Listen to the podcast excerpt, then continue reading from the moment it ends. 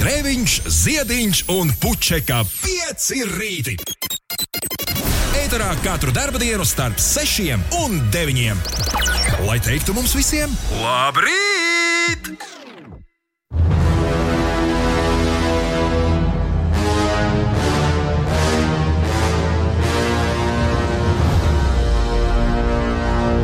Rum, pum, pum, pum. Labrīt, Uldī! Labrīt! O? Po ilgiem laikiem tu esi pirmais uz strīpas. Es pat domāju, ka tu esi uz lielākas strīpas nekā es. Uh, Vismaz, uh, vismaz spriežot pēc vizuālā attēla, atkal jau. jau pēc kā, Nē, es nepaspēju zobus iztīrīt. pēc kā gan citi radiospriežas. Ah, es paspēju, es paspēju, bet es visu kaut ko citu nepaspēju. Savukārt, nu, tagad es sēžu un domāju, laikam šis bija īstais nākamais fons.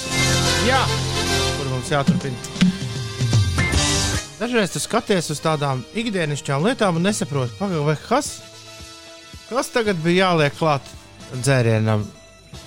Cukurs vai sāls? Nu, iestājas uz kaut kādu mazu mirkli, tāds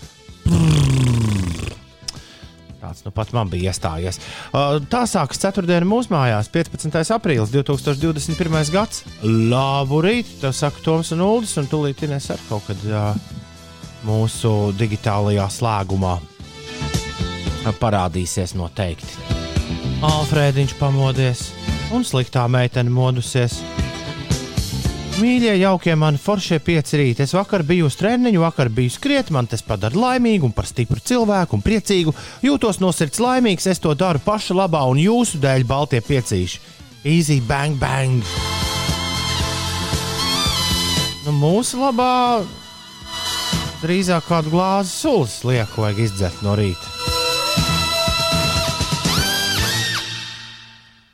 Pārējo gan sevis labi. Sevis labi. Mm, šodien ir uh, Gastona un Ailitas diena. Gastonam un Ailitai ir vārdu svētki, un uh, apsveic visus ar to, ka aprīlis ir pusē. Lūdzu, nu pat vēl bija, vai ne? 1. aprīlis, un Ulas un Ines esot pēcpusdienā bijuši ēterā tā runā. Jā, bija tur tāda lieta. Tu nedzirdēji? Nē, diemžēl. Es, biju, es gulēju komā tajā brīdī. Nu, un labi, ne, tas ir mākslinieckās izteiksmes līdzeklis. Es nespēju dzirdēt neko tajā brīdī. Man bija 39 grādu temperatūra, un, un uh, man rādījās uh, visādas vīzijas pie viesnīcas griestiem. Tajā brīdī, kad jūs bijāt gaisā. Bet, Jā, man šķiet, ka tas bija absurdākais radio, kāds ir šajā stacijā bijis.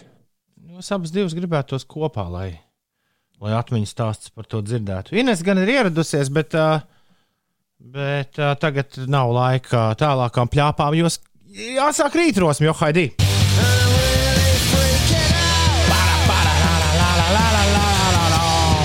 Klāra ģitārists Grēms Koksons. Freaking out! Norvēģijā Jānis darbs padarīts. Var braukt mājās. Viņš raksta, tā nu stundu būšu kopā ar jums, tagad gan gulēt. Noklausījos to, ko nedzirdēšu atkārtojumā, kā jau vienmēr. Lai izdevies jautrs rādījums, ko tu nedzirdēsi atkārtojumā. Hostelu Norvēģijā Jānis uh, iekodas. Uh, labrīt, Inesē! Labrīt! Pirmīt, es uh, atgādināju 1. aprīli, kad jūs strādājāt pēcpusdienā. Kādas atmiņas no šīs reizes? Jā, ļoti labas. Bija ļoti interesanti, es domāju, pašiem. Un, un, un sajūtas bija foršas. Uldis teica, ka. Kā nu tu teici? Absurdākais. Absurdākais rīta radio, kāds jebkad bijis. Jā, varētu tā būt. Es, eh, es kādu brīdi atrados nosacīt divos ēteros vienlaicīgi. Ah, tev Pēc tam- bija pēcpusdiena. Oh. Pēc tam es biju uz velosipēdas, braucot cauri vis- Rīgai. Un, un, un tad es biju pa īstam mūsu ēterā. Wow! Bet jaukākais bija tas, ka ļoti daudz kas tika improvizēts. Jo, ja klausītājiem likās, ka tas viss ir izdomāts, tad tā nebūtu nebija. Bet eh, nu, tas stāsts īsumā bija tāds, ka Magnus kādas pirmās 40 minūtes nebija ēterā vispār. nu, nu, tā kā Magnus bija no rīta, tad mēs ar Ines bijām divi tā vakarā. Un tad pēkšņi pēc dziesmas, it kā nekas nebūtu bijis, atgriezās Magnus viens pats. Un runāja tā, it kā iepriekšējās 40 minūtes nebūtu vispār bijušas. Un tad pēc dziesmas atgriezāmies mēs ar Inesu un runājām, it kā nekas nebūtu bijis, un it kā Magnus nebūtu bijis redzēts. Un tad mēs pēkšņi sākām runāt trietā, it kā būtu normāls rīts. Nu, vārds sakot, Tika... Ja mēs sākam spēlēt mērķu spēli, tad bez jebkāda brīdinājuma. Un, mē, un mērķu spēlē mēs ne, ne ar vienu vārdu nepieminējām Magnus, kurš it kā bija izgājis ārā. Es domāju, mēs gatavojām mērķu spēles jautājumu. Un Magnus pēkšņi atnāca tā, it kā nekas nebūtu bijis. Respektīvi, bija, nu, uh, man rakstīja mūsu kolēģi Elīna, kas klausījās. Viņa teica, ka viņa nesaprot neko, kas šobrīd notiek.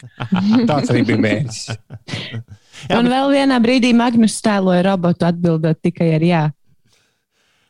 Šī, uh, šī kārta, diemžēl, nu, tagad ilgu laiku vairs nevarēs tikt izspēlēta no rītiem pēcpusdienā.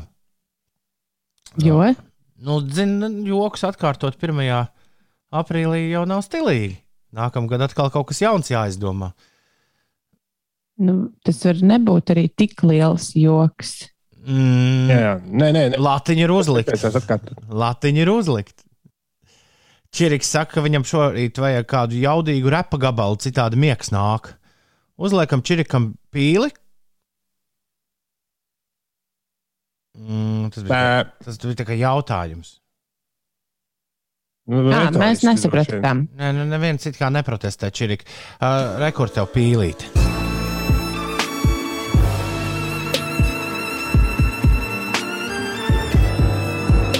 Valanas Jankundzes tā te violas spēle gan nedaudz uz sapņu pusi vilka.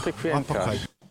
Es pēdējās naktis esmu sev tādu klusu akadēmisko vai klasisko mūziku turējis fonā, vai ko jauki, jo sapnīšos, viss kaut kas notiek ka tas tā, ka tas tā tiek, tiek riktēts.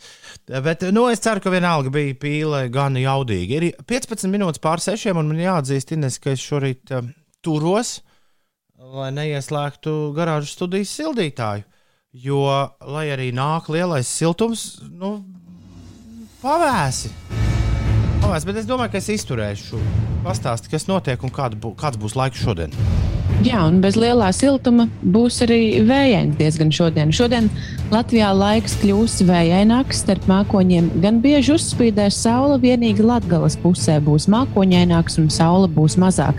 Nokrišņi šodien nav gaidāmi, pūtīs brāzmains ziemeļaustrumu, ziemeļu vējš līdz 11-16 metriem sekundē. Maksimālā gaisa temperatūra plus 7, plus 12 grādi, vēsāks būs Rīgas līča piekrastē un arī kurzemē, tur aptuveni plus 5, plus 6 grādi. Rīgā bieži spīdēs saule, nokrišņi nav gaidāmi, ziemeļaustrumu, ziemeļu vēja brāzmas eh, sasniegs 12, 14 metrus sekundē, un maksimālā gaisa temperatūra galvaspilsētā plus 10, plus 11 grādi. Eh, Droši vien priecīga ziņa futbola faniem. Manchester City un Madrides Real pievienojas Londonas Chelsea un Parīzes Saint-Germain klubiem Eiropas Futbola Federāciju asociācijas čempionu līgas pusfinālā. Manchester City arī izbraukumā pieveica Dortmundes Borussia ar rezultātu 2-1 un divu spēļu summā uzvarēja ar 4-2 un uh, City pusfinālā tiksies ar Parīzes Saint-Germain. Un otrā mačā Madrides Reāli viesos spēlēja 0-0 ar, ar Liverpoolu, bet divu spēļu summā iekļuva pusfinālā ar pirmajā mačā gūto uzvaru 3-1. Parīzes Saint-Germain un uh, Citīs pāris būs ļoti, ļoti interesants. Ko gan negribētu teikt par Madrides Reālu un Chelsea? Bet, Kā tu zini? Bet uh, nu, Chelsea diezgan drāmīgi šo sezonu ir spēlējuši. Nu skaidrs, jā, jā, aizspēlējušies līdz uh, Champions League pusfinālam. Uh, viņiem pamatā nu, mājās nepārāk labi iet. Uh, un, un, un, un, un redzot visas komandas darbībā, ir tāda sajūta, ka Madrids reāli ir krietni labākā, un arī pēc vakar, vakar 0-0 noturēšanas pret Liverpooli, ka viņi ir daudz labākā formā nekā, nekā Chelsea. Uh, savukārt, uh, City vai Parīzes Saint-Germain visticamāk tiks pie tā kausa. Nu, tas ot, kāds no viņiem, kurš to pusfinālu uzvarēs. Tā kā uh, Tā kā forši, tev ir arī datumi, kad pusfinālā iet vaļā. Tagad jau viņi bišķi papauzēs.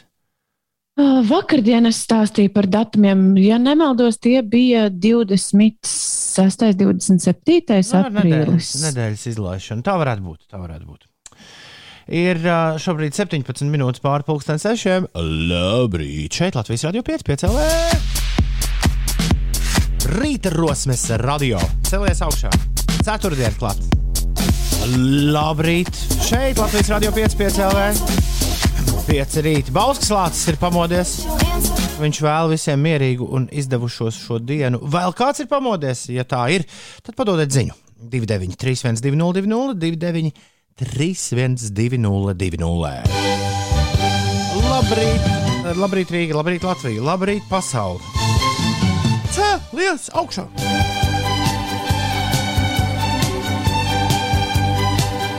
Vakar es melotu, ja es teiktu, pilnīgi netīšām. Jo pilnīgi netīšām tas nebija, bet nu, diezgan tā pēdējā mirklī sarunāts. Gan tas bija. Es uh, uz kādas zīmīgas ielas, uh, negribētu teikt, krustojumu, viedukta satiku Renāru. Un, uh, un Renārs neko iepriekš nebrīdinot, man momentā, kā tuvojās, man pacēla telefonu un iesaistīja mani manuprāt, vētras jaunās dziesmas Fils, kur mēs sagaidīsim nākamnedēļ uh, Instagram kampaņā. Uh, Renārs visiem pagaidām gan tikai saviem grupas biedriem, un šķiet, es esmu pirmais ārpus grupas Oriola. Jautā, ka, ja prāta vētras dziesma būtu kaut kas nu, cits, tad kas tā būtu?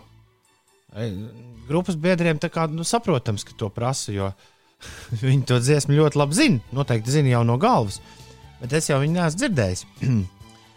Un Renārs rīktīgi izdomājis. Viņš nāk man klātienes un prasa, ja prāta vētras jaunā dziesma, to būtu planēta. Kura tā būtu? Es, te, Jā, redzēt, tā viņa storiju. es, tajā, brīdī, es tajā brīdī domāju, vēl jāizslēdz tas. tas Uh, es tajā brīdī domāju, pagaidi, nu nevar taču teikt, tagad, kuru katru planētu jāsaka kaut kas tāds, ko lielākā daļa uh, nemaz nezina. Gribēju nospīdēt ar Nu, zināšanām. skaidra lieta, skaidra lieta. Bet tam man vecākais dēls taču kādreiz bija planētu rīktīgais tur uh, Viņš tagad ir mainījis uh, intereses. Šobrīd, um, saki, šo- šobrīd YouTube un YouTuberis un, un, un gameris uh, ir ņēmis Ah. virsroku planētu pētnieka. Jā, Ai, ai, ai. dzīvē, bet es domāju, ka tās zināšanas, kuras mēs kopīgi ieguvām, mēs u, gluži kā šajā gadījumā uzspodrināsim laika gaitā, laikam ejot uz priekšu. Jo mm. -hmm. es Renāram teicu, ka prāta vēders jaunā dziesma, ja būtu planēta, tad būtu. Ah, kur man te ir skaļums? Lūdzu. Tā būtu. Sīris?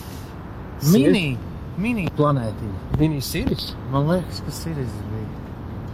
Mini planētiņa. Mazā, mazā, mazā planētiņa. Jā. Mazā planētiņa domāt ir punduru planētiņa. Uh, tad es aizbraucu ar velosipēdu mājās, un visu laiku es par to domāju, pagaid, vai es kaut ko neesmu sajau, uh, sajaucis greizi. Un liels bija mans miers, ka tad, kad es uh, Sirijas uzgooglēju, ka viss ar Sirijas, angliski viss ar Sirijas bija kārtībā.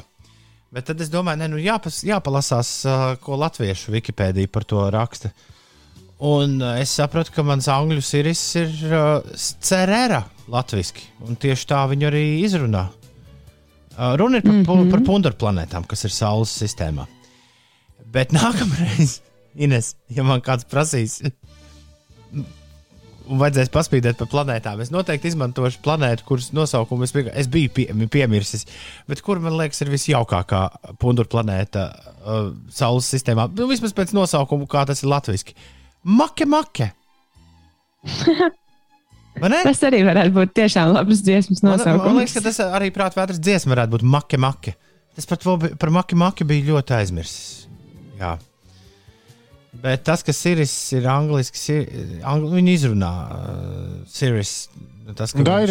Ceres. Es lasu tagad dievietes vārds. Tas ir. Nu, jā, jā. Cerera, Cerera. cerera Latvijas. Nu, viss, nu, nav, nav, nav nekādu jautājumu. Nu, to es tur uzreiz pēc tam izlabojām. Un, nē, bet jauki ir tas, ka mums vakarā ar Renāru izvērtās vēl saraksti par, par astronomiju. Mēs abi te jutāmies kā iestājušies jauno astronomu pulciņā. Jo Kaupers bija pārbaudījis šo asteroīdu joslu, vienu, kur sauc i- viena no svarīgākajām asteroīdu joslām, kas ir ap Sauli, to sauc Sirija. Nu, tieši tā viņi arī raksta. Bet un es teicu, Renāra, Renāra kungs, ā, asteroīdu joslu gluži un unduru planēta, nu, pavisam noteikti nav viens un tas pats. Bet tās pundu planētas ir pārsvarā visas tajā joslā, vai ne? Zinu, ka tagad vai sagatavos varbūt šai sarunai. Nedaudz nopietnāk. Man pietiek ar, esi va- ieguvis man pietiek ar, zināšanas. ma, make, pietiks ar to, ka šorīt vēl make, make parādījās uh, ēterā. Vismaz mums būs par ko parunāt, tad, kad uh, nākamnedēļ mēs, cerams, virtuāli satiksim prāt vētras uh, čaļus un renāru, jo, jo mēs noteikti pievienosimies globālajai filmas pirmizrādē, kas notiks vai nu trešdien vai ceturtdien. Mūsu, nu, starp sešiem un deviņiem laikā. Uldim tikmēr mocim jauns riepsines. Vecās, Forši. tu vecās Manam nobraukāji? braucamajam arī ir jaunas. Pareizi, jā, tu visu māju biji pienāsājusi pilnu riepām. Es vienu dienu redzēju internetā.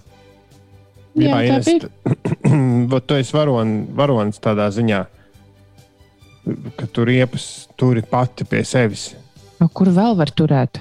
Uld, Nu, Man ir, t- jā, pabeidz. man ir tāds slinkais scenārijs, jo es tur, kur tās riepas nomainu, tur par kaut kādiem, es neatceros, 20, 30 eiro arī uz visu gadu var atstāt. Un man šķiet, ka mēs šo stāstu esam dzirdējuši reizes 18. Ko? Es pirmo reizi tādu stāstu dzirdu. Nu, labi. Nu, jā, Bet, un tad katru reizi padomā, ka nu, tagad, piemēram, man ir šajā dzīvoklī jau cik trīs gadus ir pieejams pagrabs, un varētu teorētiski vest mājās un to naudu ietaupīt. Bet tad tu padomā, pirmkārt, katra tā riepa jau es mainu ar visiem diskiem. Tā tad riepas Jā, ir smagas. Salīdzinoši smagas. Tad tu padomā, to visu jāieliek mašīnā. Tev vajag tur kaut kādu plēvi izklāt vai kaut ko, lai varētu pārvest, vai jāceļ sēdekļi augšā. Tad tu to visu saliec mašīnā, aizved mājās, tad jāstiepjas pagrabu. Tad kaut kad pavasarī vai rudenī atkal tas viss jāliek tur. Un, un jāmeklē, kur atkal tās riepas uzmontēt. Un, tur, ah, un tad saprot, tā ir tik ērti, ka vienkārši iebrauc mašīnu un izbrauc ar jaunām. Un iebrauc un izbrauc atkal ar jaunām. Nu, Bet- es pirmo reizi stiepu augšā tās riepas uz stāvu. Protams, tad, kad es biju tās nolikusi savā kambarītī, man jau bija doma, ka rudenī es tās varētu kaut kā izdomāt ar kādu alpīnismu sistēmu, laist lejā pār balkona margām. Speciāli uztaisīja tā kā senajos laikos, nu, kad vajadzēja uzvilkt vai ne kaut ko augšā. Nu, kaut kāda līdzīga mehānisma, lai tur viss normāli iet.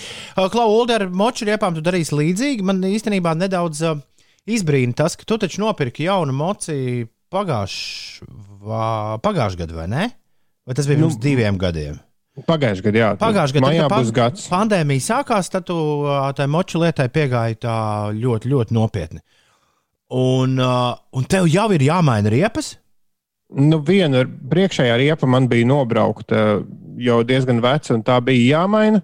Pakaļējo riepu es nomainīju pagājušajā gadā.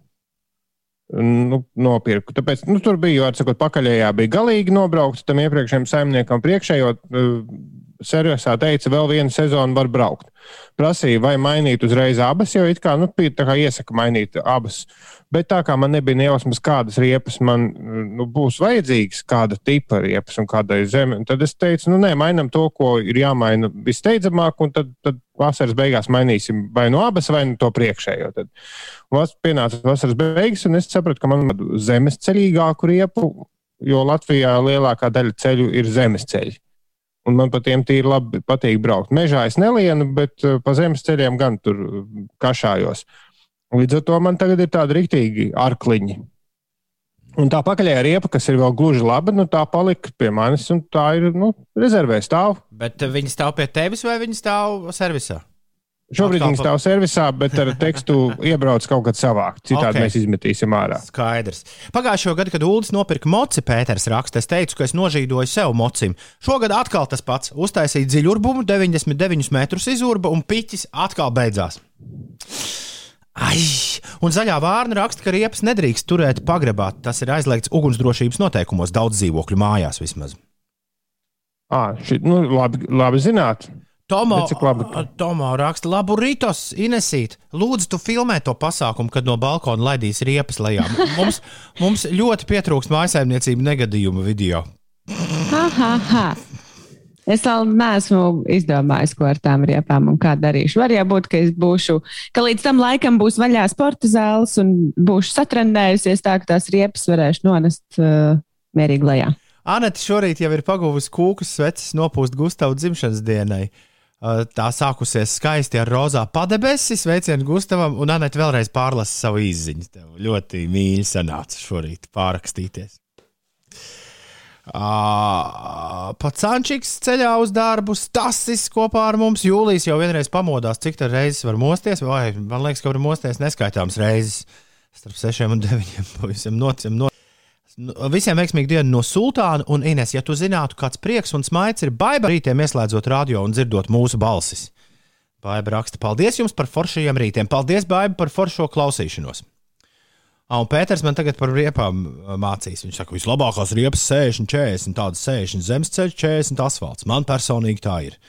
Man nav ar riepām vispār nekāda darīšana, Pēter. Varbūt tu Uldim šo vēlējies. Es tagad es nezinu, cik man ir tas procents. Noskaidros, pastāstīs. Sarunāts? Jā, Sarunāts. Uh, 6,32 šeit uh, 5 LV. 5 rītī. Es ceru, ka šogad saņemšos arī nolikt tā kategoriju šeit Vācijā, raksta sliktā meitene. Mēs par tevi turēsim īkšķi. Apsolu. Bet tagad Rīgas modes. Labrīt, labrīt, labrīt. Labrīt.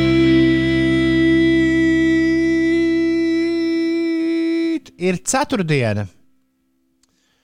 Un ceturtdienā parasti šajā laikā, nu, dažreiz pēcpusdienā, vienreiz pēcpusdienā, bet parasti šajā laikā notiek bēdīgi slaveno mērķu spēle. Protams, ka pēc divu nedēļu prombūtnes man viss ir te nojūtis, kuram kāda, kāda kārta. Bet kamēr Ulas to sameklē, izstāstīšu, ka bēdīgs tiem, kas mūs ieslēguši pirmo reizi, tas, tas, tas man vienmēr ir fascinējis radio pasaulē. Ines ka vienmēr ir kāds, kurš ir ieslēdzis radio pirmo reizi. Tā, es kaut kad nesen, jā, es nesen, nevis nesen, sen vienā konferencē pat redzēju formulu par šo. Kāds bija ar kādu matemātiķu kopā sēdējis un to pierādījis. Vienmēr pie radio ir kāds, kurš ir ieslēdzis radio, kaut vai netīšām griežot, ka viņš šobrīd domā, "Ko- viņi tur runā. Kas tagad būs? Kas ir bēdīgi slaveno mērķu spēle? Ir Kventinam Tarantino filma Bēdīgi slavenie mērgļi. Inglorious Bastards saucas angliski. Un tur uh, uh, kino aktrise, dubultaģente ar uh, vācu zaldātiņiem spēlē pagrabiņā spēli, kurā uh, jā, visiem spēlētājiem, nē, tam spēlētājiem, kurš ir uh, mērglis, ja viņam ir pielīmēta lapiņa uz uh, pieres, un uz, tur uz tās lapiņas kaut kas rakstīts. Viņam pašam jāuzmina, kas viņš tāds ir. Nu, lūk, un šo bēdīgi slaveno mērķu spēli mēs esam adaptējuši ļoti daudz, kur man liekas, Latvijā, Latvijā draugu kompānijās šī spēle pazīstama kā zīmīša spēle. Mēs viņu esam adaptējuši radio ceturtdienu rītos jau gadu garumā, un to sauc par bēdīgi slaveno mērķu spēli. Un tagad mēs to spēlēsim. Ulu, kāda ir vēsture? Jo mēs parasti uz rīņķa esam tie mērķi. Es jau pirms vēstures gribēju pastāstīt. Nu, vēsture ir tāda, ka pēdējā no mums minēja Ines, un tad bija Magnus. Līdz ar to Einu tagad sazina, kuram ir jāmin. Bet uh, es arī gribu īsti izstāstīt, tad, kad uh, Busulis ar UFO rīkoja Lieldienās diennakts klubhaus maratonu, viņi vienkārši diennakti muldēja par visu kaut Es ko. jau lasīju tālu avīzē par šo. Jā, viņiem bija vienā brīdī, viņiem bija uh, arī. Uh, viņi bija, nu, tur satikās Busulis, UFO un kaut kas tur vēl, nezinu. Un viņi uh, to visu nofilmēja, un viņi tur klātienē spēlēja šo spēli. Viņi gan līmeni, parasto to pelēko līmeni līmēja uz pieres, nu, tur neķēpājās ar kaut kādām lapiņām. Okay. Un tad naktī bija garas un plašas diskusijas. UFO mēģināja saprast, kā to video nosaukt. un es ļoti lepojos ar, ar, ar savu kopīraitu, ka šo spēli sauc izdibini mani. Jo tas, tie, tas ir tiešām tas, kas notiek. Izdibini mani. Ļoti labi. Jā. Tālāk, tā kā var, var arī šādu var, nosaukumu. var, varbūt ir jādomā par rebrandingu mērķu spēlē. Nu, bet nē, man liekas, ka. Jā, ka bet ej, nu tagad sazini, vai Magnus ir bijis tu un līdz ar to būtu jāmin man, vai arī nākamais esi tu. Jo mēs Magnus uh, pēcpusdienā, tas pie tam bija 1. aprīlī, kas vispār neskaitās. Man ir kaut kāda Mēs sajūta. varam to kā ekstru paņemt, ka Man ir, Magnus man, bija. man ir sajūta, ka es spēlēju nu, burtiski nu, pat. Bet labi, es varu, es varu jūs atstāt divatā. Nav problēma. Darīt tā. Ines bija, Ines bija Māris Verpakovskis. Mēs varam, varam iziet ātri arī izstāstīt, kas mēs esam bijuši. Ines bija Verpakovskis, pirms tam es biju Sniegpulkstenītis, Jā, un, un pirms tam tu biji piekdiena, ceturtdiena. Uzzinājām, kas ir jupķis, uzzinājām, kā ir pumpermiķels jāraksta pareizi. bet, bet tas nebija spēlē. von Hammersmark. Tā aktrise, kas ir Bet oriģinālajā es vēl kaut ko esmu minējis. Tu kaut ko neesi pierakstījis. Nu, nē, tie ir pēdējie trīs. Nu, skaidrs, tad man ir jāatslēdzas. Viss te nav nekādu jautājumu. Es slēdzu uh, sev austiņas ārā. Jā. Uh, spriediet, nu, kas es būšu. Tā. Kā tev Uldi? šķiet, Ines, vai Jā. Toms klausās? Man liekas, ka nē. Jā. Man Es šobrīd ir atvērta uh, angļu avīze, un tajā es redzu tos karalienes pilsētas sargus ar milzīgajām lāčādas cepurēm. Katram no tām cepurēm ir arī savs nosaukums, Uh, to mēs varam uzmeklēt. bet uh, es domāju, ka Toms nezinās. Bet uh, viņš ir bijis Londonā daudzas reizes. Tas, tas ir viens no Londonas numur viens turisma uh, nu, tādiem. Hmm. Nu, varam iet arī tajā virzienā. Tomēr pēdējās uh, dienās Karaļnams uh, ir bijis mediju uzmanības centrā. Es gribēju piedāvāt buļbuļsāļu pīrādziņu vai grauzdiņu, jo vakar pa ilgiem laikiem es beidzot biju nopirkusi buļbuļsāļu pīrādziņu kopēst. Uh, nu, tagad jāizdomā. Nu, nu, nu, tavu. Nu, tās cepures būtu kaut kas pilnīgi. Neuzminams. Bet, nē, nu, man liekas, ka nē, ja tiek līdz cepurei, tad, tad tas nav tik sarežģīti. Toms domā, ka mēs esam šausmīgi ilgi. Nē, Nē esam mēs šausmīgi ilgi. Nu, labi, ņemam tās cepures. Bet tad Bie, uh, tas sauc par bierskins. Tā arī sauc. Lāčādas. bierskins. Jā. Es, es tev aizsūtīšu linku. Ja? Ņemam Labi. cepures. Nu, ņemam, ņemam. Tā. Esmu atgriezies. Labrīt. Šeit bēdīgi slaveno mērgļu spēle. Vai es esmu persona, Nē, vai es esmu priekšmets, Jā, jā. Vai es esmu saimniecībā noderīgs priekšmets? Saimniecībā laikam jau īsti nē. Uldi, kā tu domā? Vai es, Es teiktu, ka īsti nē, bet nu kā kuram? vai man tev, un Uldim, vai kādam no mums pieder šis priekšmets? Ai, Uldis gribētu, lai viņam pie... jā bet nē, nē. Vai tas ir liels priekšmets? Tādā gadījumā. Uh, definē liels. Nu, kā nu noķēra mazu zīmi un lielu zīmi? Nu, ja mēs salīdzinām ar to izmēru, parasti kāds ir, tad it kā ir liels. Nē, Uldi. Jā, Jā. Vai, salīdzinoši liels. vai tam lielajam, vai tam ir kāds nu, praktisks pielietojums? Jā, Jā, Vai to praktiski pielieto balītēs? uh, nu, gan jau, bet vispār nē. Vai to praktiski pielieto uh, ārstniecībai?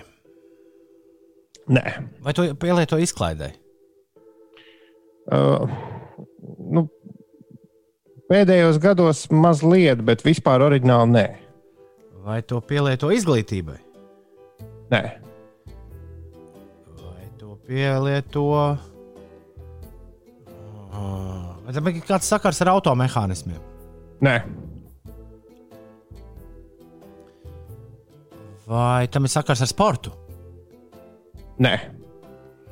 Vai tam ir sakars ar uh, pilsētvides plānošanu? Nē, nē. Vai tam ir sakars ar transportu sabiedrisko? nē. Vai tam ir sakars ar, uh, ar uh, apģērbu gabaliem? Jā. Jā.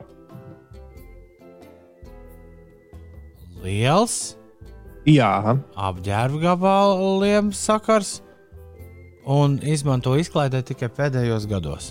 nē, nu, nē aizmirstu to izklaidi. Nu, tas bija tas ir māņu manevrs. Ā, labi.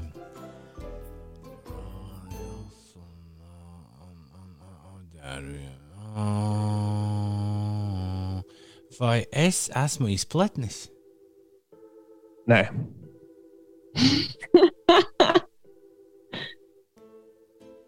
Tu iedomājies, Ines, ka varētu būt, bet nē, nē.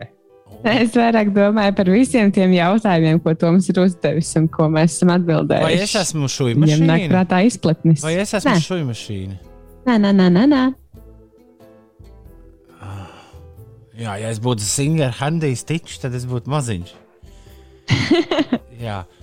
Uh,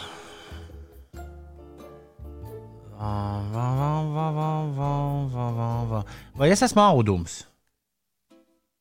Nē. Nu, kaut nu, uh, kur tur mazliet varbūt ir audums. Bet... Jā, bet nē, bet nē. nē.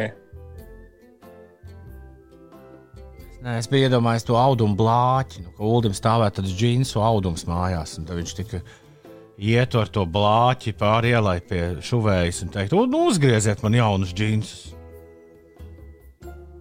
Bet uh, šoreiz nebūs. Es varu, es varu pateikt, Ļoti. Priekšā pavisam. Man ir prieks, ka es esmu ieguvis tādu sirdsmieru minot uh, šos jūsu uzdevumus. Bet, uh, Nu, uzdevumus mēs visi minam pilnīgi vienādus. Tā kā nav jau tā, ka tev būtu kaut kādā Nē, veidā nē, nē, grūtāk. nu, nē, skaidrs, bet dažreiz uh, senos laikos es vairāk uzvilkos, tad, kad uh, tās, tos, tos pekstiņus bija jāatmin. Bet, uh, tagad, Tu esi, jā, es drīkstu pateikt, priekšā, varbūt, ka aizies. Tu esi kāds pasaules slavens apģērba gabals. Nē, neaizies.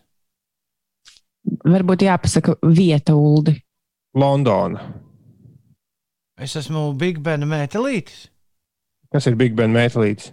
Nu, Big Benu tagad uh, remontē, un viņam apkārt mētelītis apvilkts. Bet tas nav apģērba gabals.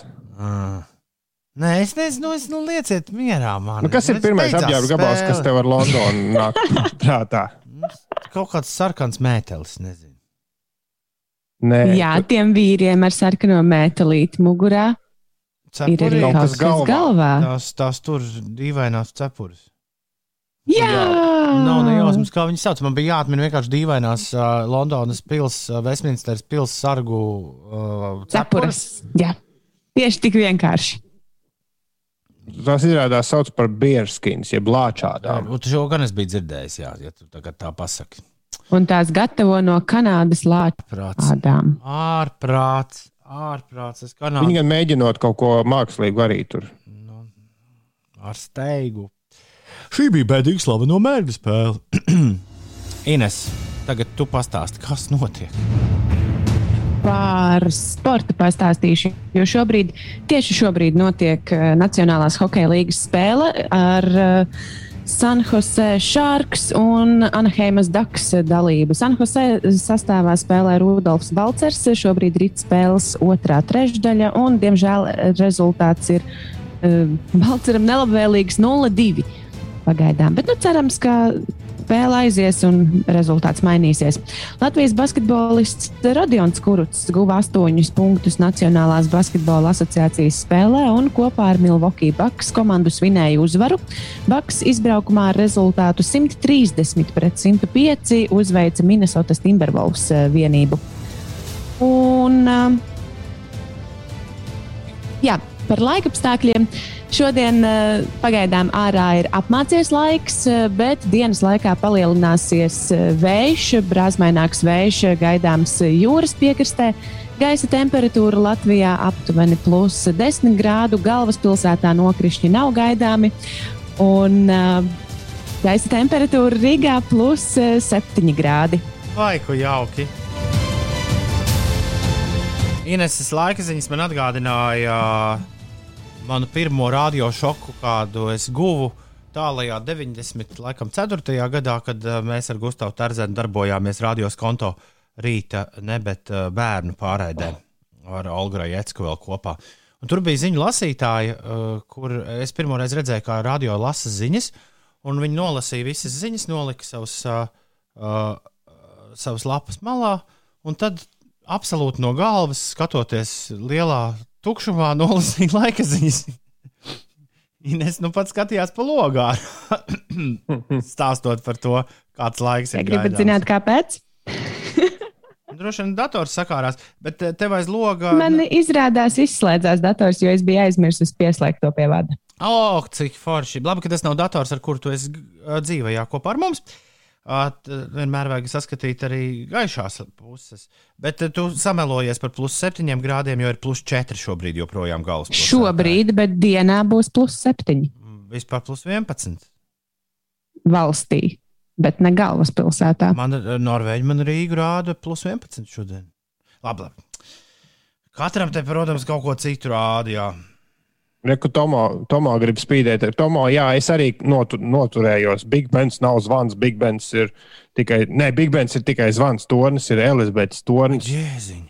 Jā, un tie sargi nav pie Westminsteras pils, bet pie Jā, Bekingas. jā, jā, jā. jā. Ugh, cik daudz geogrāfijas spēles jautājumu. Prinča nāves sakarā es sapratu, ka es nekad neesmu bijis Vindzorā. Ulu tos turien mums jāizlaiž. Nākamreiz. Pie Londonas, Tas vai ir ne? tik netālu. Es domāju, Bet tur nelaiž iekšā droši vien. Ne. Jā, Toms tā, tā saka, es nekad neesmu bijis Vindzorā. Hello, būtu. hello, we are here to visit the queen. Es, es, es arī Bekingas pilī neesmu kurā bijis. viņam ir jābūt. Ie, iekšā skaidrs, ka nē, bet nu. Tur varētu- Bet es, bet būt es biju parlamentā. Vo, vo, vo, vo. Uh, nu, malacis. Kādreiz uzspēlēsim lielīšanās spēli. Es biju. Tad paskatīsimies. Bet tas jau bija radio vajadzībām, bet tur tiešām retais londonietis ir bijis sēdējis tajā galerijā un klausījies, kā bļaustās deputāti viens uz otru. Tas ir- Tas, ir- es domāju, ka sajūtas ļoti līdzīgas kā princi koncertā. Piemēram. 6,53 ir pareizais laiks. E, Beidzam mūdēt, rekur būs tagad. Laika apstākļi. ir mainīgi. Bet tagad laika mašīna vai arī dziesmas, kuras ļoti iespējams pateicoties TikTokam visai drīz būs topā. arī šādi varētu nosaukt laika mašīnu. Šorīt jums jāpasaka, jāpasaka kas izpilda šo himnu. Es gribētu teikt, himnu. Would you lie with me and just forget the world? Dum, dum, dum, dum, dum, dum. Uh, Snow Patrol. Chasing Cars.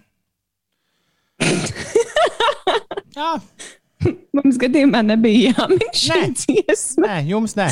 Uh, Zane, Tukuma Mārčus, Ogotājs, Jans Dēmbā, Zaļā Vārna, Nora, Rihards, Sliktā meitene, Čaks Nauris, kurš pat mūzikas skolā šo ņēmis priekšā. Bet Super nē, es- izdevies. Mārtiņš, Toms. Uh, Es pieprasu fotofinišu vai to Lauris un Kristīne. Uh, Kristīne, visi, visi zināja, kas tas ir. Jūs, Jo es ne- vai mums arī nepietiek? zināju. Mums Nē, nepietiek? man vajag punktu šajā. Mums, mums nevajag uh, šos te leduskapus. Mums vēl vajag kādu leduskapu iztīrīt. Uldī, ieraksti lūdzu punktu man, jo es arī zināju. Jā, un es nezināju līdz pat brīdim, kad Toms nepateica. Es tiešām es zināju, ka ir chasing cars un visu laiku domāju. Šitā gadās, šādi, šādi gadās. Tad, kad, uh, Un es tieši aizkadrā Uldim teicu, izdzirdot dziesmas pirmos akordus, ka es jau zinu, kas tā ir par dziesmu. Ai, draugi, draugi. Jā. Mm. Nu, pēc šī jūs varat nom nomērīt vienmēr, cik aizmidzis es tieši esmu. Un kaut kā ceturtdienu rītos dažkārt, dažkārt tiešām ir sajūta, ka es joprojām atrodos tur kaut kur. Bišķi citā galaktikā. Jā, bet ir forši, ka nav pulkstenis pārgriezts garāžas studijā. Es to šonadēļ pieminu uh, droši vien stipri pa bieži. Bet es nu pat vienkārši uz to pulksteni, kas te stāv, paskatījos. Viņš, tulīt, rā, viņš rāda, ka tūlīt būs seši. Un tad uzreiz arī tāda sajūta, ka nu, tā jau nu, viss normāli. Tāpēc jau arī vēl joprojām vāta galvā. Bet nē, nekāda seši, seši ir sliktē meitenei Vācijā. Mums uh, visiem uh, septiņi no rīta, dāmas un kungi, jau pēc dažām sekundēm. Un kopā ar jums loģiski Latvijas radio 5, 5 LV. 5 rītī! Apsveicu visus, kuri zināja Snow Patrol. Apsveicu Ines tevi, jo tu zināji Snow Patrol. Un es nezināju, Es varu derēt, ka kādreiz tev ar Big Band būs uh, chasing cars arī jāuzspēlē. Tad varbūt tu atcerēsies, ka tas ir Snow Patrol. Ceturtdien, 15. aprīlis 2021. gads. Rolling down in the beats. When your brain Tu klausies piecēlē, like un Jej! Labrīt, ir 5 pār 7. Šeit 5 rītī, ziediņš, pučakā, grēviņš. Klausoties laika ziņas, nu pat es uh, aizdomājos par to, ko kāds klausītājs teica, ka Inês visu dara pareizi, ka laika ziņas nav jālasa no datora vai no letes vai no vēl kaut kurienes vienkārši jāpaskatās ārā pa logu. Uh, un, un turpmāk, Ines, tu tiki arī aicināti tieši tā rīkoties. Uh, kā tu rīkojies uh, datora izslēgšanās laika ziņā? Jā, nu, bet es atzīstu Neplēj. savu kļūdu. Es tiešām uh, gaisa temperatūru galvaspilsētā nosaucu nepareizi. Nu, nekās pa vidu jau bija starp to, kā ir tagad un kā būs. tas ir Nu, prognoze. Kopumā es, es sajaucu vietām. Kopumā valstī robežās no plus 7 līdz plus 12 grādiem un galvaspilsētā jā, 10, 11. Viss normāli, viss normāli. Ines, viss ir normāli. Bet es iedomājos par to nabaga būdiņu, kurā sēž doma laukumā ziņu lasītājs. Viņam nav nekāda iespēja paskatīties ārā pa logu. Jo Patiesībā Tas gan, 1. jā. 1. aprīlī viņi varētu iznērot. Viņam tajās laika ziņās varētu ierakstīt, ka šobrīd Rīgā ir milzīgs negaiss, bet ārā spīd, spīd saule un viss. Jauka forša, viņam nav nekāda iespēja pārbaudīt, vai tā ir vai citu, es nezinu, vai jūs pamanījāt, eh, es nezinu īsti, vai tas bija tieši ziņu dienesta joks, bet eh, pirmā, 1. aprīlī arī ziņās bija joku ziņas. Bet es nezinu, vai jūs to manījāt, kuras tās bija. Es jau stāstīju, ko es darīju 1. aprīlī. Nē. Jā, un es esmu ļoti, neesmu galīgi fans joku ziņām. Ka tas bija smieklīgi. Man, man gan patika, jo bija izdomāts, ka būs krēļu olas un krēļu kartupeļi. Kas man Es- kā krēlai patiktu, jo pārāk daudz kas ir labročiem. paskaties uz ulu. Bet, Ines, tev vajag, tev vajag laika apstākļu akmeni. Es redzēju, to viss kaut kur laupu mājās ir. Šī ir rubrika, tev to vajag, tev to nevajag? Tu zini, kas ir laika prognozēšanas akmens? Es vēl varētu čiekurus uz palodzes turēt. Bet, nē, nezinu, tu vari pastāstīt. Es arī nezinu, prognozēšanas akmens. Šur tur ir pie visādiem viesu namiem, kā liels joks uzstādīts. Tur tāds akmens iekārts striķī, un tu, pēc tā var prognozēt laiku. Ja akmens ir slapjš, tad līst, ja akmens ir sauss, tad nelīst. Ja Ah. akmens rāda ēnu, tad ir saulains. Ja akmens ir, uz akmens ir kaut kāds baltums, tad snieg. Ja akmeni nevar redzēt, tad ir migla. Ja akmens šūpojas, ir vējains. Ja akmens lēkā, tad ir zemestrīce. Un ja akmens ir pazudis, tad ir tornado. Šis ir ļoti labs. Es kaut- Jā, Ja vajag, Bet man liekas, ka šis varbūt man vajag Man tādu. šķiet, mums šķiet, ka šis, studijā aiz loga vajag. man šķiet, ka ak- šī akmens ideja nāk no rietumiem. Man Tas ir kaut kur ārzemēs. jā, Jā, jā, jā, man tāds sajūta. ir uh, astoņas minūtes pārpusdienas, septiņiem. Jā, bet ir interesanti. Ļoti daudz, ļoti daudzas studijas, ko esam redzējuši ārzemēs, ir speciāli taisītas tā, lai tur nav nekādu logu. Viņas parasti ir kaut kādu ēku tā kā vidū. Uh, bet uh, ir atkal visādas foršas studijas, kurās ir ļoti skaisti logi. Uh, ieskaitot, es jums, es reiz jums rādīju bildīti, es biju nofotografējies pie Nī- Nīderlandes 3FM abās divās studijās. Ui, kur tā tāds jauks meža skats viņiem pavērs. Tā kā no, slimnī, tā kā no Linezeras slimnīcas Rīgā. Viņam vajadzēja pateikt. Kad... Ui, cik jauks. Jā, skats, this, jā. this, this view reminds me of Linazar Hospital. What? Linazar Hospital. Ir 9 minūtes pār 7. Cēlies augšā, mīļais draugs. Pietiks no snaust, pietiks no snaust, pietiks no snaust.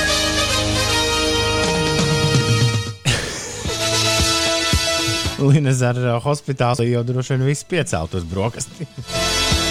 Labrīt, 4. 15. aprīlī 2021. gadā ar tevi kopā Latvijas sabiedriskais mēdījis. Latvijas radio raida un raida konkrētāk Latvijas radio piektais kanāls. Ja? Piek- Piektā Rīga šeit.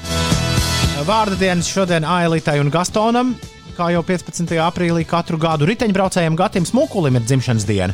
No Carnival Jūs, Roberts Vanaks svin dzimšanas dienu. Never have enough of this! Never have enough of this!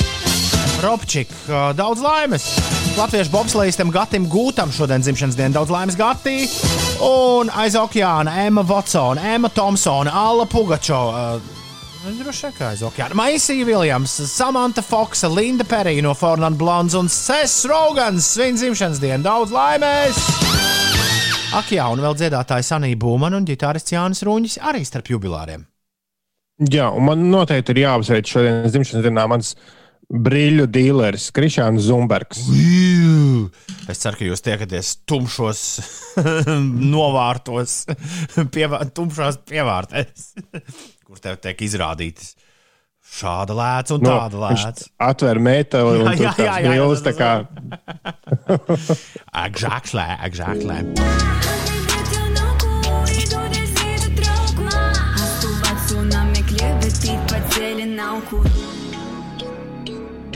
Tā ir 14 minūtes pārpusdien septiņiem. Labrīt, šeit pieci rītī. Tas bija Latvijas raps un viens no viņa jaunajiem gabaliem. Man bija tāda uh, vīzija, tā kā sapnis, neatceros, kas, ka mēs spēlējām vienu rītu visu latviešu repa jauno albumu no A līdz Z. Interesanti. Jā, tā ir mm, tāda kolektīvs sapnis. De- Deja, deja vu. Labrīt, piecīši Ričards no Cārnekavas raksta. Pēdējo reizi jūs klausījos oktobrī pirms rudens brīvlaika. Mājās mācoties nesenāca klausīties, un tagad tas sanāca braukt uz Rīgu, tāpēc ir tik forši jūs atkal dzirdēt. Raksta Ričards no Cārnekavas. Ričard, ja kādreiz mājās pirms mācīšanās, tomēr mūs sagribas dzirdēt, un pulkstenis rāda kaut ko citu. Nevis starp sešiem un deviņiem, tu vienmēr vari atvērt e-punkts uz Slipsvītra podkāstu un paklausīties, ko mēs esam runājuši, nu, piemēram, nā, iepriekšējā rītā. Uh, diplomāts raksta, ka laika ziņām šodien ir sekundāra loma, jo laiciņš šodien ir foršs. Es laikam, man laikam loks uz nepareizo pusi, bet man galīgi pagaidām neizskatās nekas tur tāds baigi foršs ārā. Jums ir pelēks arī aiz loga? Jā, bet Jā. tāds Diezgan pelēks. Pelēks, bet foršs. Labi. optimistiski. Labi, vienosimies, pelēks, par, vienosimies par šo. Norvēģis Jānis prasa, ko jūs piecīši domājat par futbola aģentu slepkavību? Noķers vainīgo vai tomēr nē? Mums pat Norvēģijā ziņās par šo runāja, minēja. Nu, jā, zin kā futbola, futbola pasaulē šāds notikums. es pat nebrīnītos jau vakar arī angļu ziņās, uh, jā, spāņu ziņās. Franču ziņās uh, kaut kur, kaut kur trāpīja. Bet, uh, apkopojot, mēs vakar par šo diezgan daudz sarakstījāmies uh, savā starpā. Un tiem, kas nav sekojuši līdzi un par šo dzird kaut ko pirmo reizi, kas gan ir maz ticams, bet tomēr nu, ir jāpieļauj, ka tāda lieta varētu būt. Tad vakar, mirklī, kad mēs apkopojām top 10 pirms astoņiem no rīta Purvicēmā, uh, ļoti netālu no mēbeļnām, ļoti publiskā vietā, no, tika nogalināts futbola aģents Romanis Bazubovs. Bez Zubovs aizdoms eh, ir par pasūtījumu slepkavību. Tika izplatīts arī visos, visiem portāliem. eh, Policija izplatīja video, kurā ir redzama šī slepkavība. Un, un īsais konspekts eh, par to ir tāds, ka man īsti nav vispār nekāda viedokļa, un es par to eh, centos vakar nedomāt, jo bija citas lietas, par ko domāt. Ines pirmā, nebija iemāt, jā. In, Ines pirmā reakcija man ļoti patika eh, par to, ka uh, Ines noliedza pasūtījumu slepkavību, bet uzskatīja, ka vienkārši cilvēki pandēmijas laikā ir mājās Netflix pārskatījušies. Un, uh, Nu, negluži es nenoliedzu īsti pandēmijas slepkavību. Man liekas, tas eh, veids, kā izrēķināties, ir pastulps. Un Uldis savukārt bija, Uldis savukārt bija sajūsmā par to, ka tas, kas notiek viņa televizorā, pēkšņi notiek arī reālajā dzīvē. Nu, jā, tas par seriālu The The Wire. Wire, Jā. The Wire un arī atceroties soprānos, tas viss liekas tik ļoti nu, plānots. Un, un, un, un, un zin kā, ir tagad, tas trūkājumi ir ļoti modē. Un, un ir stulba sajūta, ka tu zini šādu traģisku notikumu, bet tas tev kaut kā interesē. Bet, ja tā pilnīgi nopietni, tad es vienreiz lasīju par to, kāda nu, uh, ir pilns internets ar rakstiem, cik mežonīgas naudas. Pirmkārt, jau cik liela nauda apgrozās futbolā pilnīgi oficiāli. Tā, man liekas, ir bagātākā federācija. Nu, kas visvairāk saņem no ārzemēm. Mm. Nu, tur ir nu, daudz miljonu, tāpēc arī tur visi tie kašķiepi. Bet kas notiek tur tajā visā pagrīdes pasākumā, nu, ar, ar, ar naudu likšanām, un ka kaut kādās Āzijas, Āzijas biržās tiek likti miljoni uz Latvijas kaut kādām mazajām spēlītēm. Nu, tas, tas, kas notiek pagrīdē ap futbolu, dažiem ap citiem sporta veidiem arī ir briesmīgi.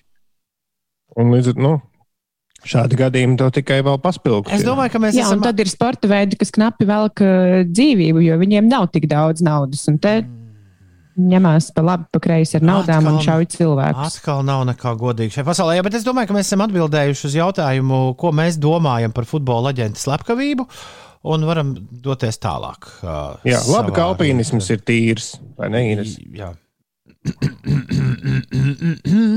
Es nesapratu īsti, tas bija kaut kāds joks domāts vai kā. Nē, nē, nu, tur nenotiek tāds tumšs spēlīts. Nu, Galīgi nē. Nu, re, labi, ka tā. Ir 19 minūtes pār septiņiem. Ines, pastāst labāk, kas notiek. Nacionālajā basketbola asociācijā viss kaut kas notiek. Skatoties pēc uh, pēdējiem tvītiem no ESPN un arī mm, Dallasas Mavericks, tur uh, Luka Dončičs ir izglābis spēli pēdējā, Jā. yeah. pēdējā brīdī.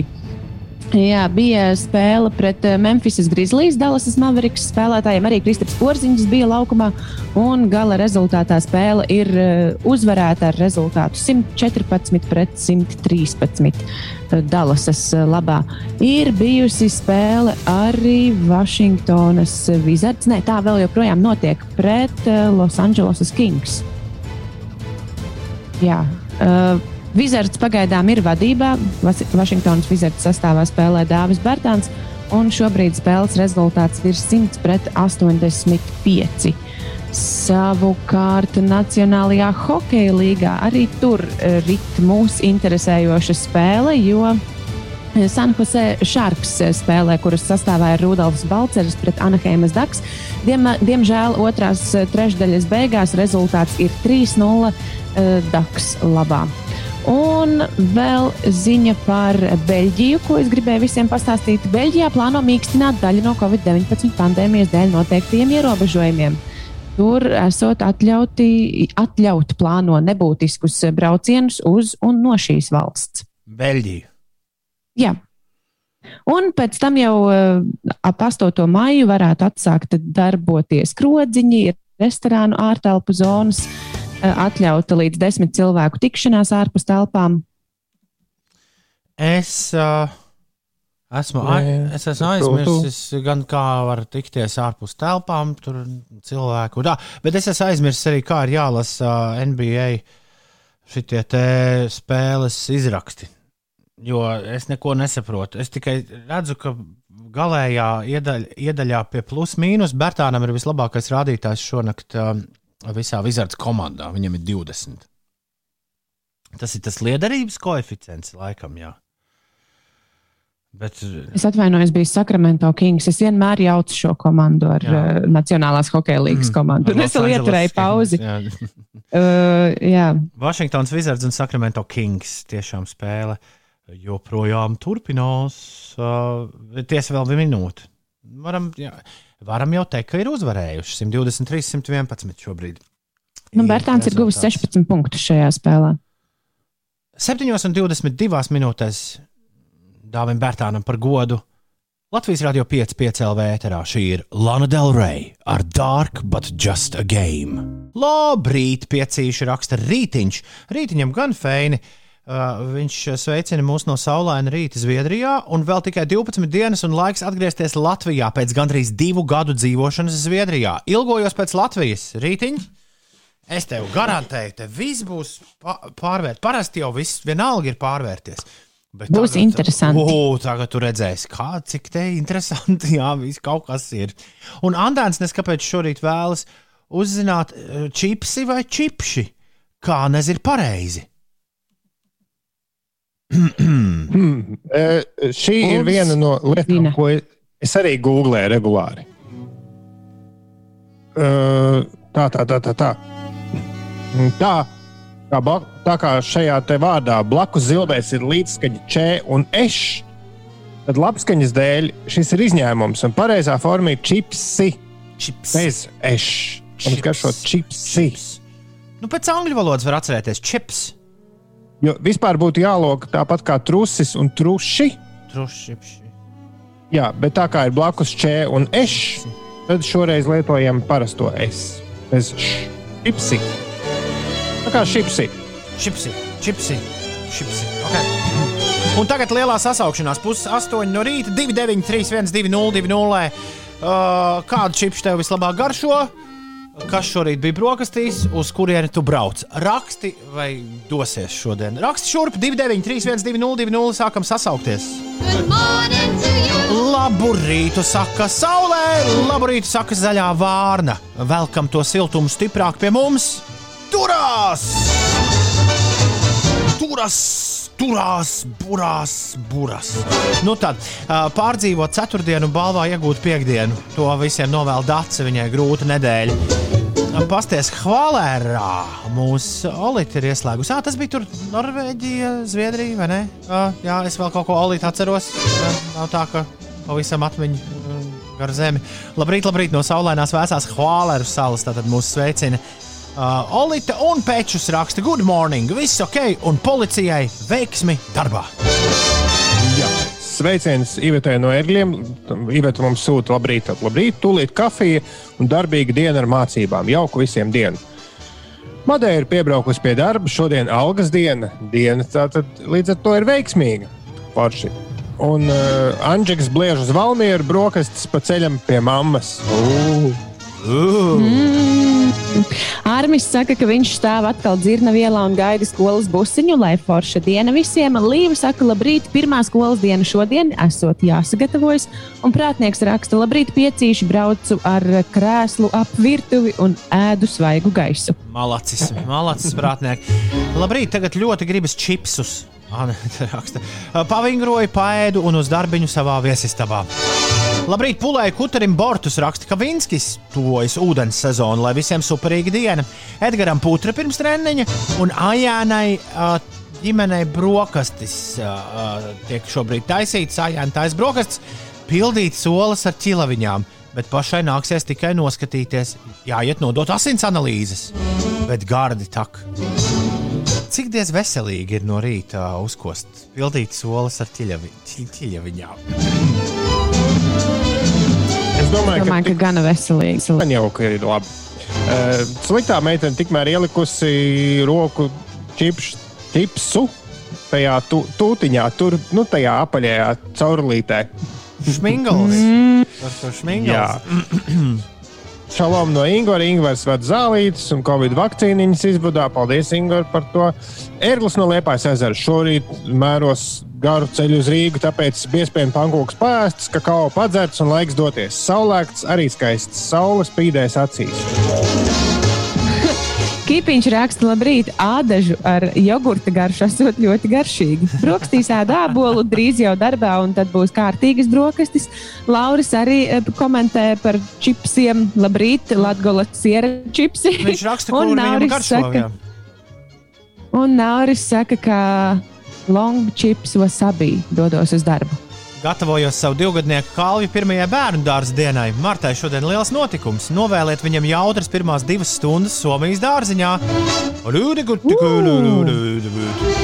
Es neko nemāku Somijas.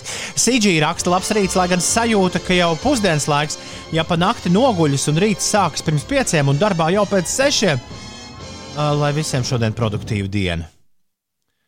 Tad, tad vienmēr sakot, Sīdžī nenāca miegs pa nakti. Un nai garšo visi kartupeļu čipsi. Brokastīs omlete, tagad eju uz darbu un jauku dienu visiem. Kādam kas piebilstams? Izklausījās. Es aizdomājos par ērgļu ziņu, ka ērglis brauc uz Rīgu šodien no Liepājas. At, ir tas te, ērglis no Liepājas ezera. Atceriet, ah, nē, ne tas ērglis. Bet tas teiciens, ka no Rīgas uz Liepāju ir jābrauc visu dienu, bet no Liepājas uz Rīgu var tikt pāris stundās. Jo vējš aizpūš. Nē, to liepājnieki saka, nu kā, ja tu dzīvo liepājā, tad uz Rīgu aizšaut, tas ir nu, pāris stundu jautājums. Ah, bet, ja tu esi rīdzinieks, tad liekas, ka liepājā tas ir nu visu Bet jūs, dienu. bet jūs, es taču jums stāstīju pēdējā Summersona festivālā, kurš notika pirms uh, pandēmijas. Man prasīja veselas astoņas stundas tikt uh, milzīgā limuzīnā ar uh, gaisā vai aizā uzvarētāju Gunčē no Čekuru kalna līdz festivāla norises vietai. Tas tiešām tā ir. Tas tā, stundas. tas tā darbojas. Tā, bet eh, man savukārt, eh, es paliku vienā citā izziņā, kur es gribu uh, jā, tomēr izdarīt. Tad Martas uh, divgadnieks Kalvis dodas Somijā uz bērnu dārzu pirmo reizi. Un viņam ir jānovēl jautras pirmās divas stundas Somu dārziņā. Un somiski tas izklausās šādi. Pitää hauskaa kahden ensimmäisen tunnin ajan suomalaisessa puutarhassa. Tik gari! Jā, šādi e, iztulkojot, lai jautras pirmās divas stundas Somijas dārziņā, tas ir šādi. Pitää hauskaa kahden ensimmäisen tunnin ajan suomalaisessa puutarhassa. Somalaisessa puutarhassa. Ui, somu un valodu esot šausmīgi grūti latviešiem. Tā kā apskauž. Kalvis iemācīsies viens un divi. Jā. Jā, forši, forši, ka būs tāda prasme. Uh, Somijā droši vien tāpat kā Rīgā. Džempera laiciņš joprojām. Sweater weather, the neighborhood 738.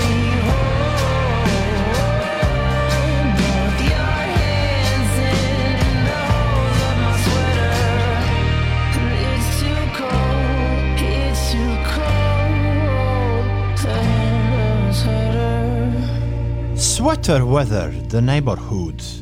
Dziesma, kas uh, jā, parādījās tad, kad parādījās 5LV 2013. gadā, un pateicoties sociālajiem tīklam TikTok, uh, mūzikas industrijā pāršalcis ir pēdējā gada laikā. Vecu dziesmu, jauns popularitātes vilnis, un tas viss nebeidz beigties.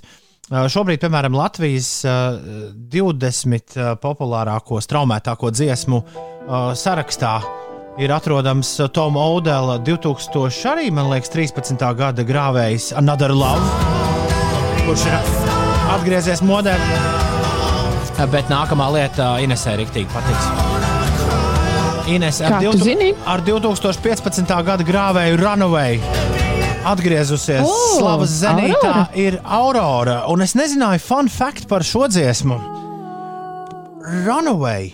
Es tagad ļoti ceru, ka es neko, es ļoti ceru, ka es neko nejaucu. Uh, ka tā bija īstā. Jā, Runaway. Uh, šī dziesma.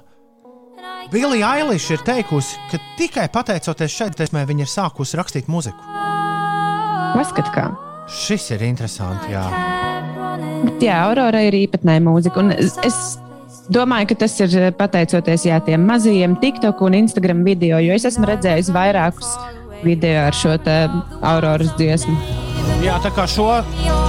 Es domāju, ka mēs visai drīz arī klausīsimies tikpat bieži kā Sweater Weather. Atkal no jauna.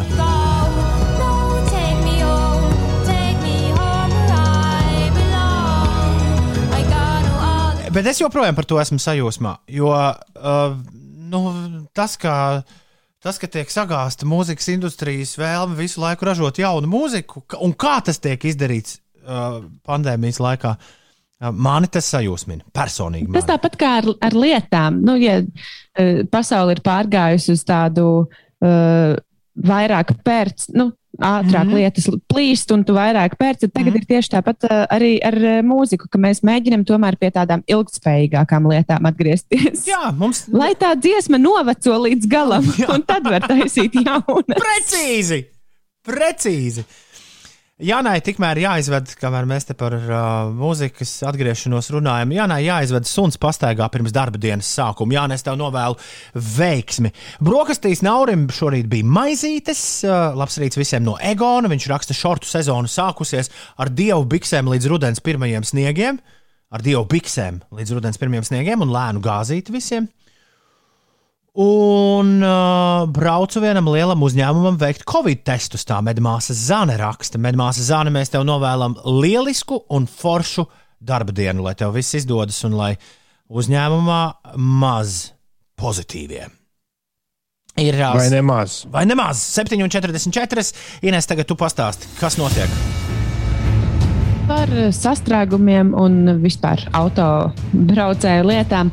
Eh, Šī šķiet, ka šī ir tā nedēļa, kad ir atsākušies Latvijas valsts ceļu būvdarbi vairākos valsts autoceļu posmos, gan pie Daugopils uz autoceļa Rīga Krāslava, gan arī eh, vietēji autoceļi Ventspils Saldus, tāpat augšlīgatnē aizvien notiek remontdarbi. Nu, ir jārēķinās braucējiem, ka atsevišķos posmos būs jāpavada ilgāks laiciņš pie luksusforiem. Par braukšanu Rīgas ielās, eh, Krustpils iela, Granīta iela, tur kā ierasts. Aptuveni 6 minūtes jāpieskaita savam eh, braukšanas laikam klāt. Kroksilas baložu pagrieziens prasīs 9 minūtes, un vienības gatavē pavisam neliela kavēšanās aptuveni 4 minūšu garumā. Citviet gan izskatās, ka viss ir kārtībā. Eh, Vakar es pati pamanīju, ka šķiet, ka ir atgriezušās ielās vairāk automašīnas, kādas ir citiem sajūtas. Un, eh, jā, es pastāstīšu vēl par laikapstākļiem. Uh, Šodien tātad Latvijā kļūs vējaināks, starp mākoņiem bieži spīdēs saule. Vienīgi Latvijā būs mākoņaināks un saule būs mazāk.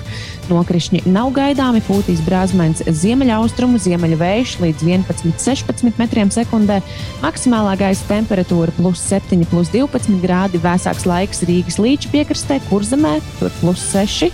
Un Rīgā gan bieži uzspīdēs saule, nokrišņi galvaspilsētā nav gaidāmi, vējš 12-14 m2 un plus 10, plus 11 grādi. Sultāns brauc uz purvu pēc kūdras.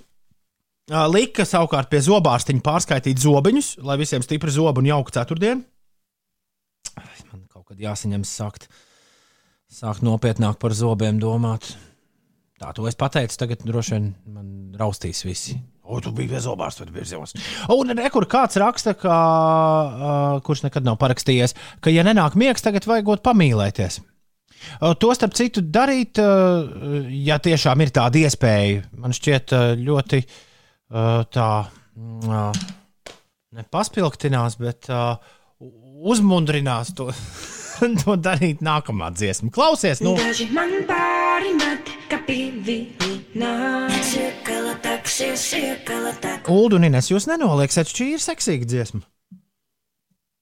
Nu, kā es tikko noskaidroju, aizkadrā pavisam, pavisam. Jā, es nebiju to tekstu tā nu, ļoti izanalizējis. Tu par to Nu, stāv, daži. tu par stāvēšanu, ja? Jā, kad tev Daži tur- cilvēki gan raksta, ka esot nojaukts vibes. Jā. Nesot gabals sensuālais, Mišanam nekas nav nostrādājis. Bet vispār man, man tas, piedodiet, bet man tas liekas perversiji mīlēties ko, uh, ar rīta radiofonā. Kaut, ka- kaut kas tur nav kārtībā. Uzliec taču kaut kādu zenu mixtape vai kaut ko tamlīdzīgu. Ocean Waves vai tā lá lá. Es atļauju. Nu, jo- Pārāk personiski, pārāk personiski to ņem. Jo galu mēs galā taču visu laiku runājam. Bet tu taču neesi tur tajā telpā kopā ar tiem cilvēkiem. Esmu! Ines, Esmu! Ines saproti, ka, ja, mē, ja kāds dušā mūs klausās, tad mēs tajā dušā esam. Un, mm -hmm. ja tu zini, kā darbojas, es nezinu, nu, sieviešu, vīriešu smadzenes ir ļoti atšķirīgas, bet vīriešu smadzenēm dzirdot, piemēram, laupuikas izziņu. Man arī vajag kūdru, uz kuru purvu jābrauc grābt kūdru. Vīriešu smadzenes tajā brīdī sāk domāt par to, vai man nevajag kūdru. Un, ja tu tajā brīdī dari to procesu un sāc domāt par to, ka, kur vajag kūdru, un vispār vajadzētu arī melnzemi šo zemu Un, un, vis, un vispār nenākt, un nenākt pa sliktu iemācīties somu valodu. Jā, un ai. Vīrieši seksa laikā domā par visu kaut ko citu. Nē, nu, nē, tas traucē. un, sievietes tā nedara. nedara Ne, es jums jautāju, Ah, jo jūs šobrīd tā runājat, ka radiofonā ir ļoti traucējoši. Radiofonai traucējoši, jo tu pēkšņi atceries, ka tev vajag kūdru. Un viss, un kāds tur vairs, Ah, šķiet, ka tomāti bija jāiesēj.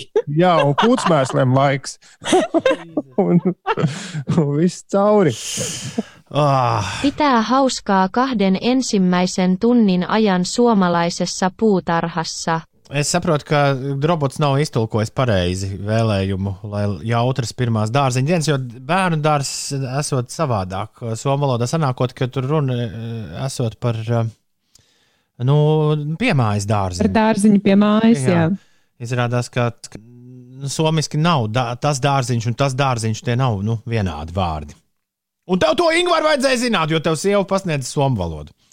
Novēliet Somijas Martai garu brīvu bezdarbnieces dienu, raksta Jānis. Paldies, Jāni! Esam šo novēlējumu aizsūtījuši. Uh, lai visiem izdevusies diena no eģiņa. Viņš priecīgs par to, ka gandrīz jau piekdiena ir klāta. Uh, Iveta no ērgļiem uh, raksta, ka somu valoda nav grūta. Mans jaunākais dēls ar kuģi braucot uz Somiju mācījās, un tur veikalā jau varēja paprasīt visādas lietas. Bet man gan bija tas bija tā kā aizīts miglā. uh, labs rītiņš piecīši. Ļoti labi vingrot ar jums fonā. Nu, uzra- uzrakstiet, ko vēl ar mums fonā forši darīt. Uh, Girtiņam diena laukos gan saulaina un darbīga lauku sētā darbu daudz, tāpēc brokastīm laika neatliek, lai visiem laba un izdevusies diena. Lai tiešām tev uh, arī laba un izdevusies diena, lai arī kur tu būtu un lai arī ar ko tu šobrīd nodarbotos. Dāmas un kungi, klāt ir tas brīdis, kad Uldis paziņo, ka sākas rubrika, kuru sauc Komā biksēs! Jēj! Un skaidrs, to jau bija kurš te atšifrējis.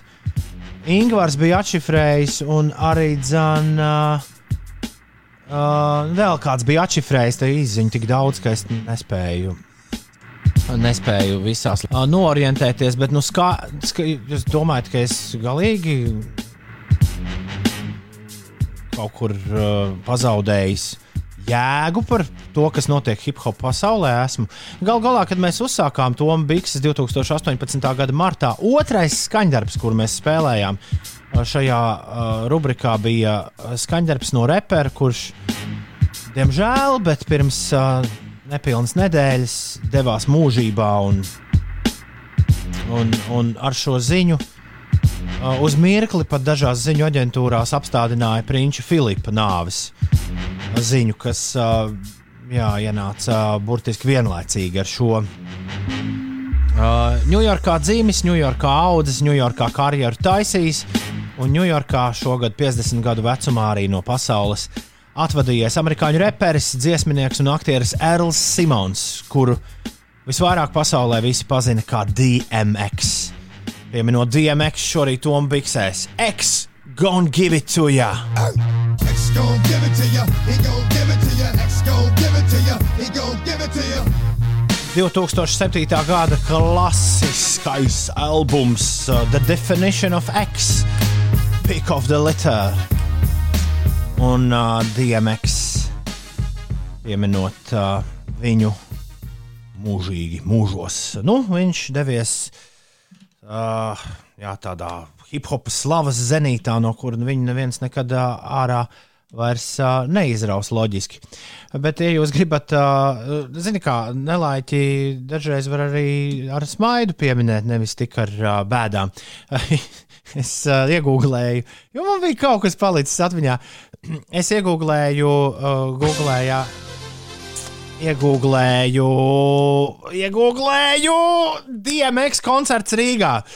Un, uh, nu, tur jauki var palasīties, kā 2014. gadā šī hip hop leģenda uh, mēģināja trāpīt Latvijā uz koncertu vairāk kārtīgi, kojotos. Tā arī tas nekad nenotika.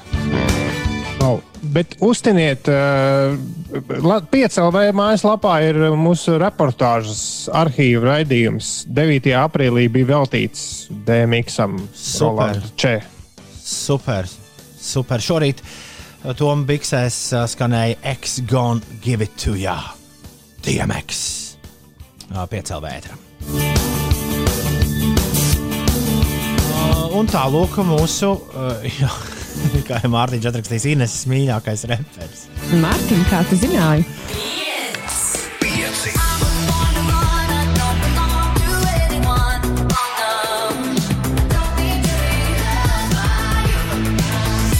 Tu klausies Pieci LV. Uzgriez Labrīt! Putni, labrīt, uh, zupa, labrīt, uh, labrīt ziņu fonu, labrīt visiem visapkārt. Ines un Ulu, jā, jums arī labrīt! O, oh, jā, mēs arī šeit esam. Čau, Di- Tom, tev arī labrīt. Diplomāts uh, ļoti uzmanīgi klausījās ziņas atšķirībā no tevis, Ines. Uh, Un viņš ir sapratis, ka Tavārs par valdības krišanu esot citējis mūsu Elīnas podkāstu, kā ir būt. Jo viņš to teicis, būt var būt visādi. Jā, Es, es gan to nepiefiksēju. Man vairāk likās, uh, ka šīs par to, ka tagad jāma, jāmaina valdība un jāgāž kariņš. Man vismaz viņi nāk no zilām debesīm. Es neko tādu iepriekš nebiju dzirdējis. Nē, tas ir o, atsevišķu opozīcijas cilvēku tāds Viņiem izdomājums. visu laiku ir jāgāž valdība. Tā ir Jā, viņa ir būtība. ir uzdevums. būtība. Tieši tā. Ja- Man ja- gan vairāk iekrita ausīs ziņa par eža spaikija izgatavošanu un eksponēšanu pilsētvidē. Ko lūdzu? Ah, tas būs hokeja talismans. Jā, Ezis Spaikijs Spaiki. būs uh, šī gada Ļoti hokeja, labi- pasaules hokeja čempionāta. piekritīsiet, ka tas ir vareni latvisks vārds, spaikīs. Nu, tieši tāds kā Latvijas hokeja čempionātā jābūt. Kā viņu tad latviskot? Mazais Ezis asumiņš. Sprīdītis, sprīdītis. Ui, bet kāds tas spaikīs izskatās? Viņš izskatās kā Es gribu redzēt, es gribu redzēt. Jā, jāraksta spaikī, hockey. Okay, Viek, latviski eh, rakstīts O, spaikīs. es ieraudzīju. viņš ir. Viņš ir. viņš ir, Viņš ir tāds, zālē bijis. Sandis Ozoliņš labākajos gados, eh, nu, ļoti labā fiziskā formā. Es pieprasu šo ulu parādīt visiem uh, Twitterī. Ā, man arī vajag redzēt. Twitter, Twitter.com slimsvītra 5 rīti, 5 ar burtiem jāraksta ULDS, tūlīt ieliks ezīti spaikī. Bet es gribētu teikt, spaikī ielikt Man rāda ezīti lampiņu, nevis ezīti spaikiju. Vēl rāda tās bumbas, uz kurām kāpj, nes kāpēc ar plikām kājām virsū. Kuras ezīti atgādina. Ierakstiet, googlē, ezis spaikīs, un tur būs. Labi, es ielikšu, bet es gribu to bildi uztaisīt kaut kādu. Uzlikt viņam kaut kādu foršāku fonu. Tas gan Beidzot, ietekmēs- es ieraudzīju. Wow! Tāds īsts ezis mačo. Kā to, kā to izrunāt krieviski? Tāds ienāks klubā, turpat apsargam, vai ne? Jā, tā teikt. Jā, šādam talismanim vajadzētu diezgan daudz naudas, lai, lai uztaisītu. Nedomājies, ka šitā Paskatieties, ko Mārtiņš raksta. Mārtiņš raksta, ka, raksta, ka nosaukts par godu tē, Dainu tēvam Spaikijam Baronam. Bet vai es Ezis speķis varētu būt. Spaiki, ev, Busulis arī ir bijis žūrijā, kas izvēlējās. Tur ir vesels bars. Es ceru, ka UFO arī. Nē, nē bet Jubalts. Un bija divi mūziķi šūra, un kas tik tur nav? Ir īstie hokeisti, kuri Hoke, īsti hokeja līdzjutēji, kuriem tas ir jāizzina. Klau, bet uh, mu, iz, izskatās, ka tas ir Latvijas, tas ēzis nāk no Latvijas, jo. Uh, nu, jā, čempionāts notiek pie mums, Uldi. Jā, bet tad šis spaikīs jau tapu tad, kad vēl bija paredzēts kopā, un uh, Baltkrievu ideja bija maiva bole. Nu, droši vien maikīs. Tā, tika uzdots, uzdots lēmums aģentūrai, ka Anita raksta, ka Jubalta klātbūtne žūrijā izskaidrot Spaikiju matu sasuku. Un uh, Iveta no ērgļiem raksta, ka viņam esot Spaikijam rīktīgs busuļas maids.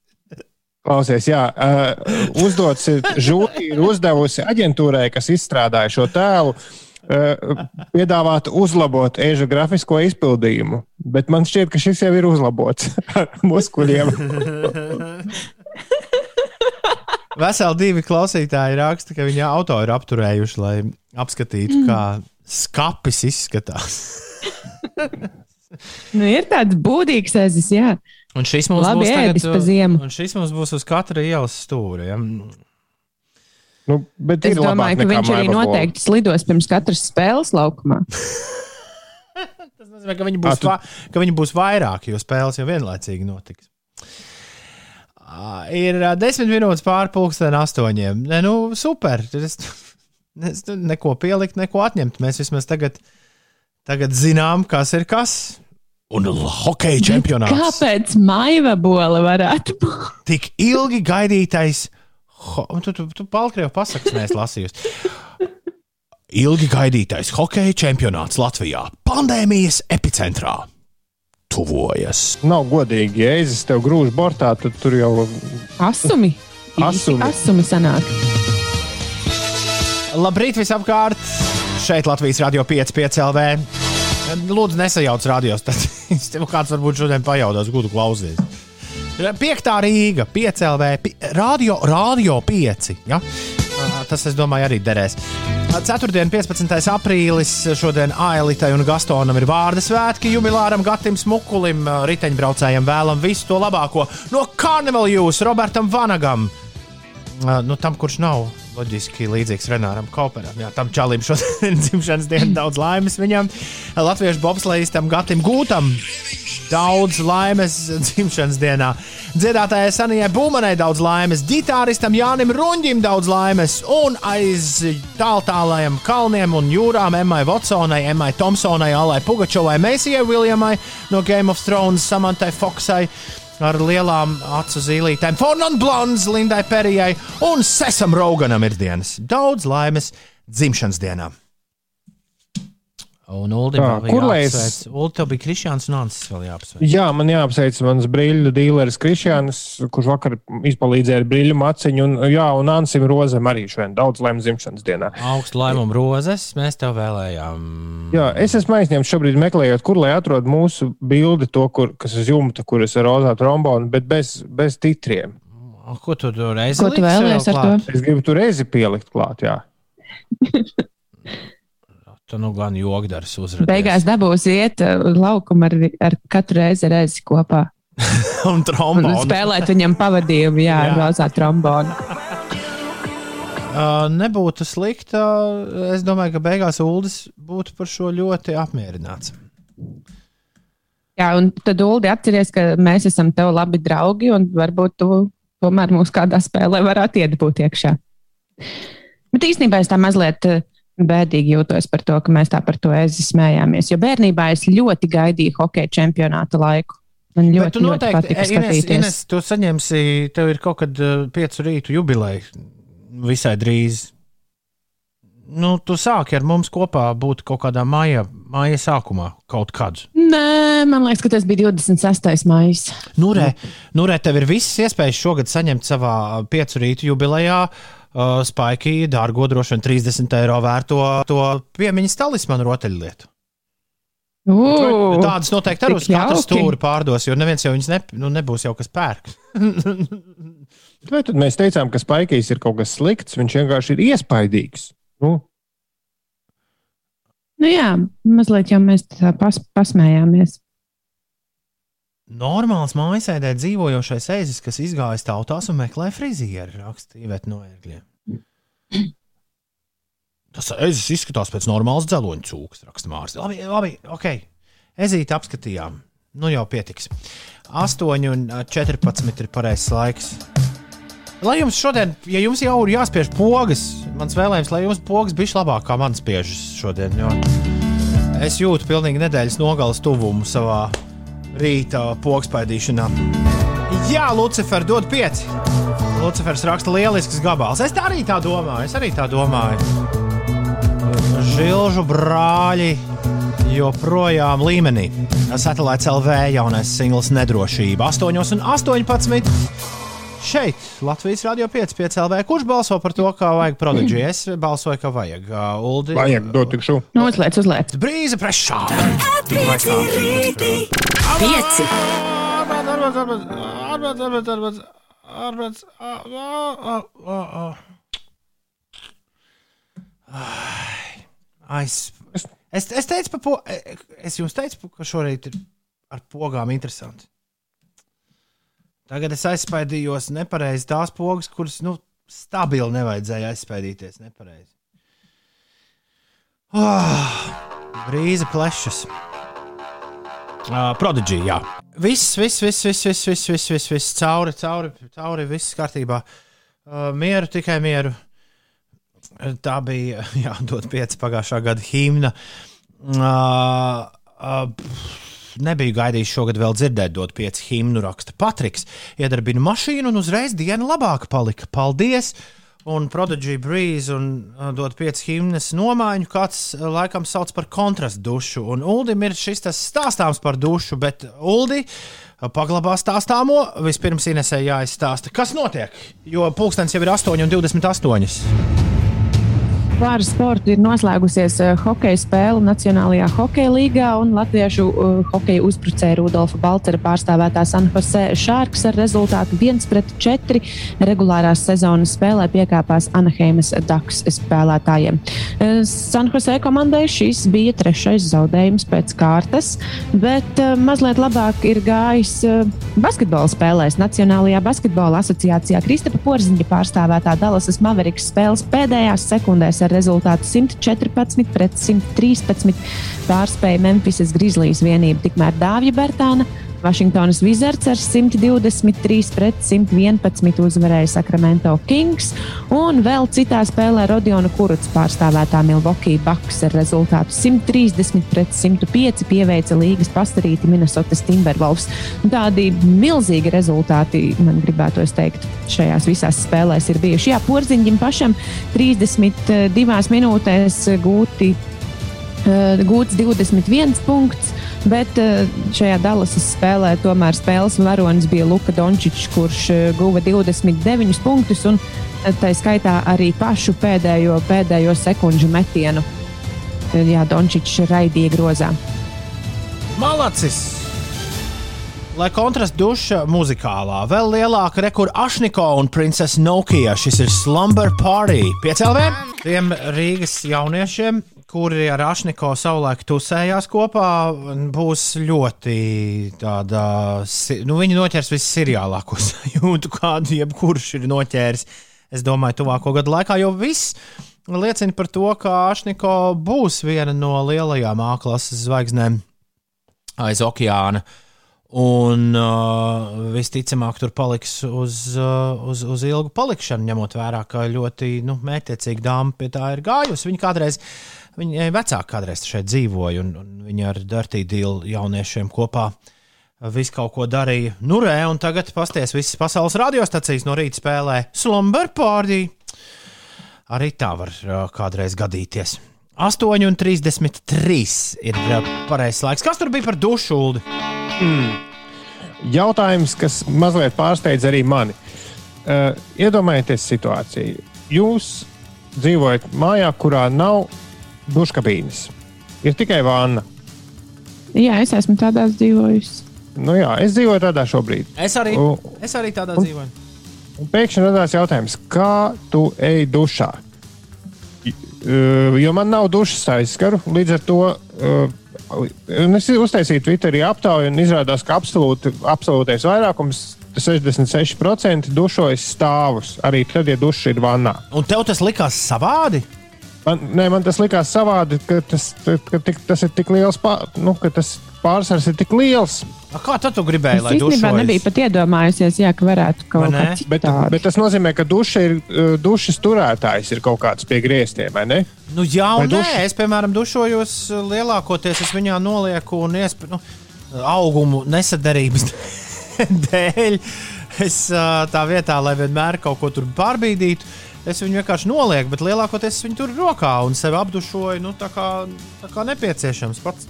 Ie- tu tā kā dara, bet to dara stāvus, vai ne? To, to es daru stāvus, jā. Nu, jā, nu, Nu, nekad nav ienācis prātā to darīt kaut kā savādāk. Nu, lūk, bet savukārt 30% to nedara stāvus. Un izrādās, ka es savā dievlūdzēju pozā esmu tikai starp 9%. Jo es, es tā kā aptuvies uz ceļiem, un tad es reizēm beigās pieceļos, reizēm nē, bet, bet tas process sākums ir uh, uz ceļiem.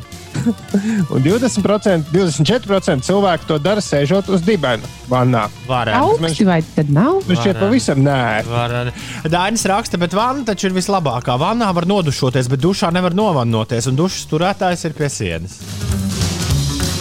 Nu jā, es īstenībā piekrītu. Tur, kur es esmu bijis kaut kādos ārzemju Airbnb, kur, kur tā duša ir pie sienas piesprāsta augšā, un, ja ir dušas aizkariņa, tad es arī to daru stāvus, un to dušas klausulu pat neņem rokā. Jo tad ir tā pašā sajūta, ka tu tā kā, nu, tā kā nu, tādā dušā, tā kā īstā dušā. Galvenais, lai tas, kas ir piestiprināts pie sienas, ka var regulēt to uh, ūdens trūklas leņķi. jā. Ārprāt. Jo ir citi tādi, kad ir vienkārši pielikts pie sienas un tev viss sejā vienkārši ūdens līst. Turpmāk, ik forši. kad tu pieminēsi dušu, es viss vizuālā asociācija ir sabeigta. Iedomāsies, kā Ulas tup dušā. Kā Ulas tup dušā. Jā. Nu jā, bet stāvēt pannā, stāvus galvu pie griestiem, tas ar kaut kā liekas. Varbūt neiesim šajā tematā, Krisīt. Viņš raksta, arī, Jā, nezinu, kāpēc ir arī mums trakie, var- ir arī trakie kas dibēna pēc toaletes apmeklējums lauka stāvus. Nē, par to mēs jau vakar izrunājāmies. par, par... Interesantākais, jums ir tā, ka jums ir absolūti pilnīgi identiskas darbības dušā. Katru reizi pilnīgi vienādi. Es par to, Nē. nedomā, es par to nedomāju. Dušā ir daudz jaukākas lietas, par ko domāt. Tas taisnība dušā var visu kaut ko ļoti labi izdomāt. Un ziniet, kāpēc? Nu, Nu. Tāpēc, ka netraucēja nekas cits. Es gan cenšos dušā ilgu laiku nepavadīt. Nu, man liekas, jo ātrāk nomazgājies, jo, jo labāk. Jā. Iespējams, ka tas no hokeja spēlēšanas laikiem, kad vajadzēja ātri mazgāties, citādi dušās nāk puiši iekšā. un man ir boiler problēma. Tāpēc es uh, laikam arī būšu tas pats, kas Ines fiksēs čalis. Jā. Nu, vienkārši ūdens var ātri palikt uh, augsts. Ko tu Un atcerējies? vēl es atcerējos no, no, no pamatskolas, ne no vidusskolas, kaut kādas desmitās klases, kad mēs puišeļi nedarbus darot. Mēs atklājām, ja dušā atgriež visus karstos krānus līdz pašam galam viskarstākos, tad nejūt citus dūmus tajā dušā. Jā, un pa ventilācijas to šahtu, protams, varēja arī redzēt, kā meitenes mazgājās dušā vai ne sporta zāles lieta- Bija tāda lieta. Bet tā, Nē, par, to, mēs- par to šodien nē. Par Jā. to šodien nē. Šo dāmu sauc Mūrru, un būtu forši kādreiz arī singlu numuru, hitu numuru divi no viņas saņemt. Ja tu madara mūs dzirdi, mm? raksti dziesmas. Te bija ķiršu koki. Ir 8,40. Šeit Latvijas radio 5, 5 LV. Labrīt! Ines, pastāsti, kas notiek? Šī ziņa man pašu īpaši ieinteresēja. Portālā Mana balss LV ir sākta parakstu vākšana, lai panāktu, ka autostāvvietu izmēri tiek noteikti atbilstoši mūsdienu auto platumam. Pēdējos piecos gados lielveikalu autostāvvietās ir reģistrēts vairāk nekā 4000 ceļu satiksmes negadījumu, bez tam ir vesela kaudze negadījumu, kas eh, paliek tā arī nefiksēti. Daudz cietušie par nelielajiem eh, negadījumiem neziņo, bet eh, jā, ir cilvēki, kas uzskata, ka autostāvvietas divi ar pus metri vienai mašīnai šāda te vietiņa. Tas esot novecojis. eh, Nu, tāds eh, būtībā pat 30 gadus vecs normatīvs, kurš vēl piedāvām ir ieteikuma līmenī. Un, lai novecojušo kārtību mainītu un panāktu, ka autostāvvietu izmēri tiek noteikti atbilstoši mūsdienu automašīnu platumam, tā tad ir sākta parakstu vākšana portālā mana balss.lv. Tālūk, eh, vēl. Tā. Kaut kas man ir mazliet pazudis no manām ziņām. atkal dators Nē, izslēdzās. dators neizslēdzās. Bet uh, es varu pastāstīt. Uldi aizdod ziņas, Ines. Tev taču daudz ir. Jā, Uldi, aizdod man ziņas, jo es pēkšņi pazaudēju tās ziņas, kuras es gribēju stāstīt. Paldies Dievam, tūlīt būs interesantās ziņas. Ir 8,42 minūtes. un Man ir spilgtā atmiņā palicis, uh, kā nākamo dziesmu, kuru mēs tūdaļ klausīsimies. Mēs dzirdējām pirmo reizi šajā pārraidē, pirms tā bija kļuvusi par uh, uh, sensāciju visā pasaulē. To izvēlējās kāds jauns mūsu klausītājs, pierunāt diskžokēju rubrikā. Un, un, un, un jā, tā mēs pirmo reizi izdzirdējām dziesmu par astronautu okeānā. Ir pagājuši vairāki mēneši, un vismaz manās mājās jaunā paudze arī tagad šo ir paņēmusi kā vislabāko jauno dziesmu, kāda vispār ir. Šis ir Masked Wolf, Astronaut in the Ocean. Singapūras satīns, piedod man, tā lai deg. 8,49 minūtes. Singapūras satīna jaunās dziesmas, Singapūras satīna vecās dziesmas, visas skan šeit, 5 LV. Ir uh, 8,49. Tā tad tas nozīmē, ka tagad būs interesantas ziņas.